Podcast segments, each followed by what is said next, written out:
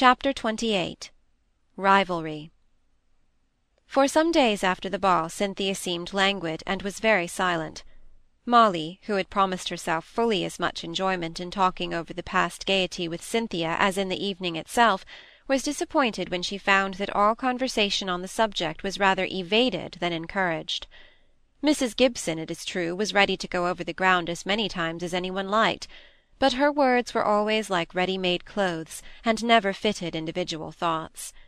Anybody might have used them, and with a change of proper names they might have served to describe any ball.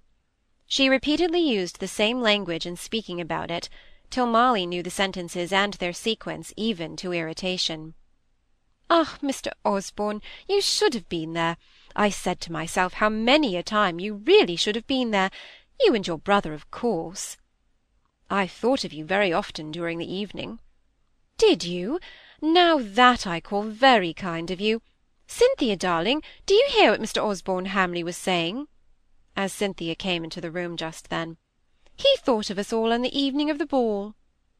He did better than merely remember us then, said Cynthia, with her soft, slow smile. We owe him thanks for those beautiful flowers, mamma. Oh, said Osborne, you must not thank me exclusively. I believe it was my thought, but Roger took all the trouble of it. I consider the thought is everything, said Mrs. Gibson. Thought is spiritual, while action is merely material. This fine sentence took the speaker herself by surprise, and in such conversation as was then going on, it is not necessary to accurately define the meaning of everything that is said. I'm afraid the flowers were too late to be of much use, though, continued Osborne. I met Preston the next morning, and of course we talked about the ball. I was sorry to find he had been beforehand with us. He only sent one nosegay, and that was for Cynthia, said Molly, looking up from her work. And it did not come till after we had received the flowers from Hamley. Molly caught a sight of Cynthia's face before she bent down again to her sewing. It was scarlet in colour, and there was a flash of anger in her eyes. Both she and her mother hastened to speak as soon as Molly had finished, but Cynthia's voice was choked with passion, and Mrs. Gibson had the word. Mr. Preston's bouquet was just one of those formal affairs any one can buy at a nursery garden, which always strike me as having no sentiment in them. I would far rather have two or three lilies of the valley gathered for me by a person I like, than the most expensive bouquet that could be bought. Mr. Preston had no business to speak as if he had forestalled you said Cynthia. It came just as we were ready to go, and I put it into the fire directly. Cynthia, my dear love, said Mrs. Gibson, who had never heard of the fate of the flowers until now. What an idea of yourself you will give to Mr. Osborne Hamley! But to be sure I can quite understand it. You inherit my feeling, my prejudice, sentimental, I grant, against bought flowers. Cynthia was silent for a moment. Then she said, I used some of your flowers, Mr. Hamley, to dress Molly's hair. It was a great temptation, for the colour so exactly matched her coral ornaments. But I believe she thought it treacherous to disturb the arrangement, so I ought to take all the blame on myself.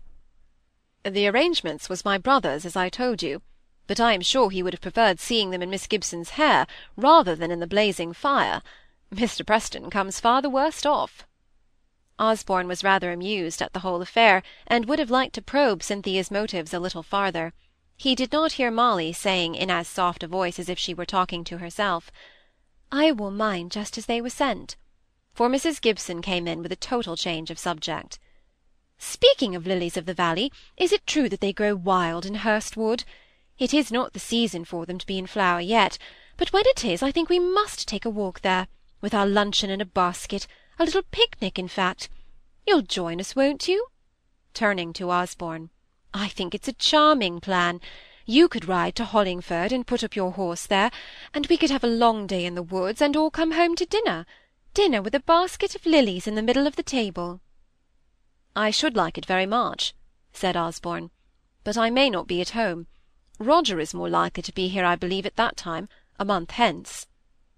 He was thinking of the visit to London to sell his poems, and the run down to Winchester which he anticipated afterwards. The end of May had been the period fixed for this pleasure for some time, not merely in his own mind, but in writing to his wife. Oh, but you must be with us. We must wait for Mr. Osborne Hamley, must we not, Cynthia? I'm afraid the lilies won't wait, replied Cynthia. Well, then, we must put it off till dog-rose and honeysuckle time. You will be home then, won't you? Or does the London season present too many attractions? I don't exactly know when dog-roses are in flower. Not know, and you a poet? Don't you remember the lines? It was the time of roses, we plucked them as we passed. Yes, but that doesn't specify the time of year that is the time of roses, and I believe my movements are guided more by the lunar calendar than the floral. You had better take my brother for your companion. He is practical in his love of flowers. I am only theoretical. Does that fine word theoretical imply that you are ignorant? asked Cynthia. Of course we shall be happy to see your brother, but why can't we have you too? I confess to a little timidity in the presence of one so deep and learned as your brother is from all accounts. Give me a little charming ignorance, if one must call it by that hard word. Osborne bowed. It was very pleasant to him to be petted and flattered, even though he knew all the time that it was only flattery. It was an agreeable contrast to the home that was so dismal to him, to come to this house, where the society of two agreeable girls and the soothing syrup of their mother's speeches awaited him whenever he liked to come. To say nothing of the difference that struck upon his senses, poetical though he might esteem himself, of a sitting-room full of flowers and tokens of women's presence, where all the chairs were easy, and all the tables well covered with pretty things, to the great drawing-room at home, where the draperies were threadbare, and the seats uncomfortable, and no sign of feminine presence ever now lent a grace to the stiff arrangement of the furniture. Then the meals, light and well cooked, suited his taste and delicate appetite so much better than the rich and heavy viands prepared by the servants at the Hall.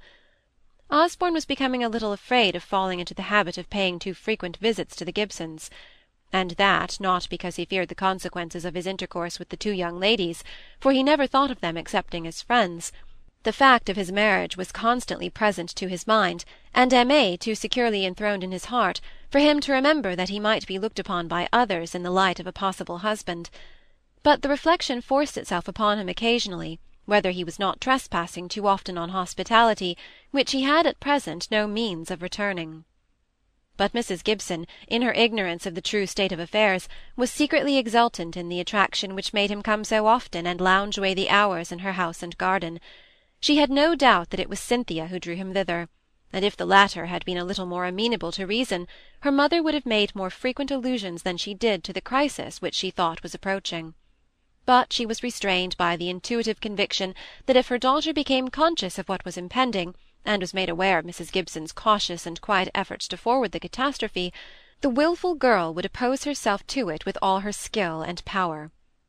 As it was, Mrs. Gibson trusted that Cynthia's affections would become engaged before she knew where she was, and that in that case she would not attempt to frustrate her mother's delicate scheming, even though she did perceive it. But Cynthia had come across too many varieties of flirtation, admiration, and even passionate love, to be for a moment at fault as to the quiet friendly nature of Osborne's attentions. She received him always as a sister might a brother it was different when Roger returned from his election as Fellow of Trinity. The trembling diffidence, the hardly suppressed ardour of his manner, made Cynthia understand before long with what kind of love she had now to deal. She did not put it into so many words, no, not even in her secret heart, but she recognized the difference between Roger's relation to her and Osborne's long before Mrs. Gibson found it out. Molly was, however, the first to discover the nature of Roger's attention. The first time they saw him after the ball, it came out to her observant eyes. Cynthia had not been looking well since that evening. She went slowly about the house, pale and heavy-eyed, and fond as she usually was of exercise and the free fresh air, there was hardly any persuading her now to go out for a walk. Molly watched this fading with tender anxiety, but to all her questions as to whether she had felt over-fatigued with her dancing, whether anything had occurred to annoy her, and all such inquiries, she replied in languid negatives. Once Molly touched on Mr. Preston's name, and found that this was a subject on which Cynthia was raw. Now Cynthia's face lighted up with spirit, and her whole body showed her ill-repressed agitation, but she only said a few sharp words, expressive of anything but kindly feeling towards the gentleman, and then bade Molly never name his name to her again. Still the latter could not imagine that he was more than intensely distasteful to her friend as well as to herself. He could not be the cause of Cynthia's present indisposition. But this indisposition lasted so many days without change or modification that even Mrs. Gibson noticed it, and Molly became positively uneasy. Mrs. Gibson considered Cynthia's quietness and languor as the natural consequence of dancing with everybody who asked her at the ball. Partners whose names were in the red book would not have produced half the amount of fatigue, according to Mrs. Gibson's judgment apparently, and if Cynthia had been quite well, very probably she would have hit the blot in her mother's speech with one of her touches of sarcasm. Then again, when Cynthia did not rally, Mrs. Gibson grew impatient, and accused her of being fanciful and lazy. At length, and partly at Molly's insistence, there came an appeal to Mr. Gibson, and a professional examination of the supposed invalid, which Cynthia hated more than anything, especially when the verdict was that there was nothing very much the matter, only a general lowness of tone and depression of health and spirits, which would soon be remedied by tonics, and meanwhile she was not to be roused to exertion. "If there is one thing that I dislike," said Cynthia to Mr. Gibson, after he had pronounced tonics to be the cure for her present state, "it is the way doctors have of giving tablespoonful of nauseous mixtures as certain remedy for sorrows and cares." She laughed up in his face as she spoke; she had always a pretty word and smile for him, even in the midst of her loss of spirits. "Come! You acknowledge that you have sorrows by that speech. We'll make a bargain. If you'll tell me your sorrows and cares, I'll try and find some other remedy for them than giving you what we are pleased to term my nauseous mixtures." "No," said Cynthia, colouring. "I never said I had sorrows and cares. I spoke generally. What should I have a sorrow about? You and Molly are only too kind to me," her eyes filling with tears. "Well, well, we'll not talk of such gloomy things and you shall have some sweet emulsion to disguise the taste of the bitters I shall be obliged to fall back upon." "Please don't. If you but knew how I dislike emulsions and disguises! I do want bitters, and if I sometimes, if I'm obliged to, if I'm not truthful myself, I do like truth in others. At least, sometimes." She ended her sentence with another smile, but it was rather faint and watery. Now the first person out of the house to notice Cynthia's change of look and manner was Roger Hamley, and yet he did not see her until, under the influence of the nauseous mixture, she was beginning to recover. But his eyes were scarcely off her during the first five minutes he was in the room. All the time he was trying to talk to Mrs. Gibson in reply to her civil platitudes, he was studying Cynthia; and at the first convenient pause he came and stood before Molly, so as to interpose his person between her and the rest of the room for some visitors had come in subsequent to his entrance. "Molly, how ill your sister is looking! What is it? Has she had advice? You must forgive me, but so often those who live together in the same house don't observe the first approaches of illness." Now Molly's love for Cynthia was fast and unwavering, but if anything tried it, it was the habit Roger had fallen into of always calling Cynthia Molly's sister in speaking to the latter. From any one else it would have been a matter of indifference to her, and hardly to be noticed. It vexed both ear and heart when Roger used the expression, and there was a curtness of manner as well as of words in her reply. "Oh, she was overtired by the ball. Papa has seen her, and says she will be all right very soon." "I wonder if she wants change of air," said Roger meditatively. "I wish, I do wish we could have her at the Hall.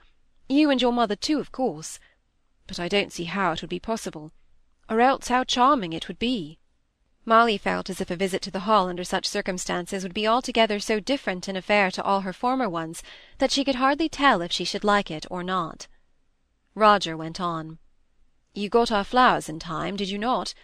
Ah, you don't know how often I thought of you that evening. And you enjoyed it too, didn't you? You had plenty of agreeable partners, and all that makes a first ball delightful. I heard that your sister danced every dance." "It was very pleasant," said Molly quietly.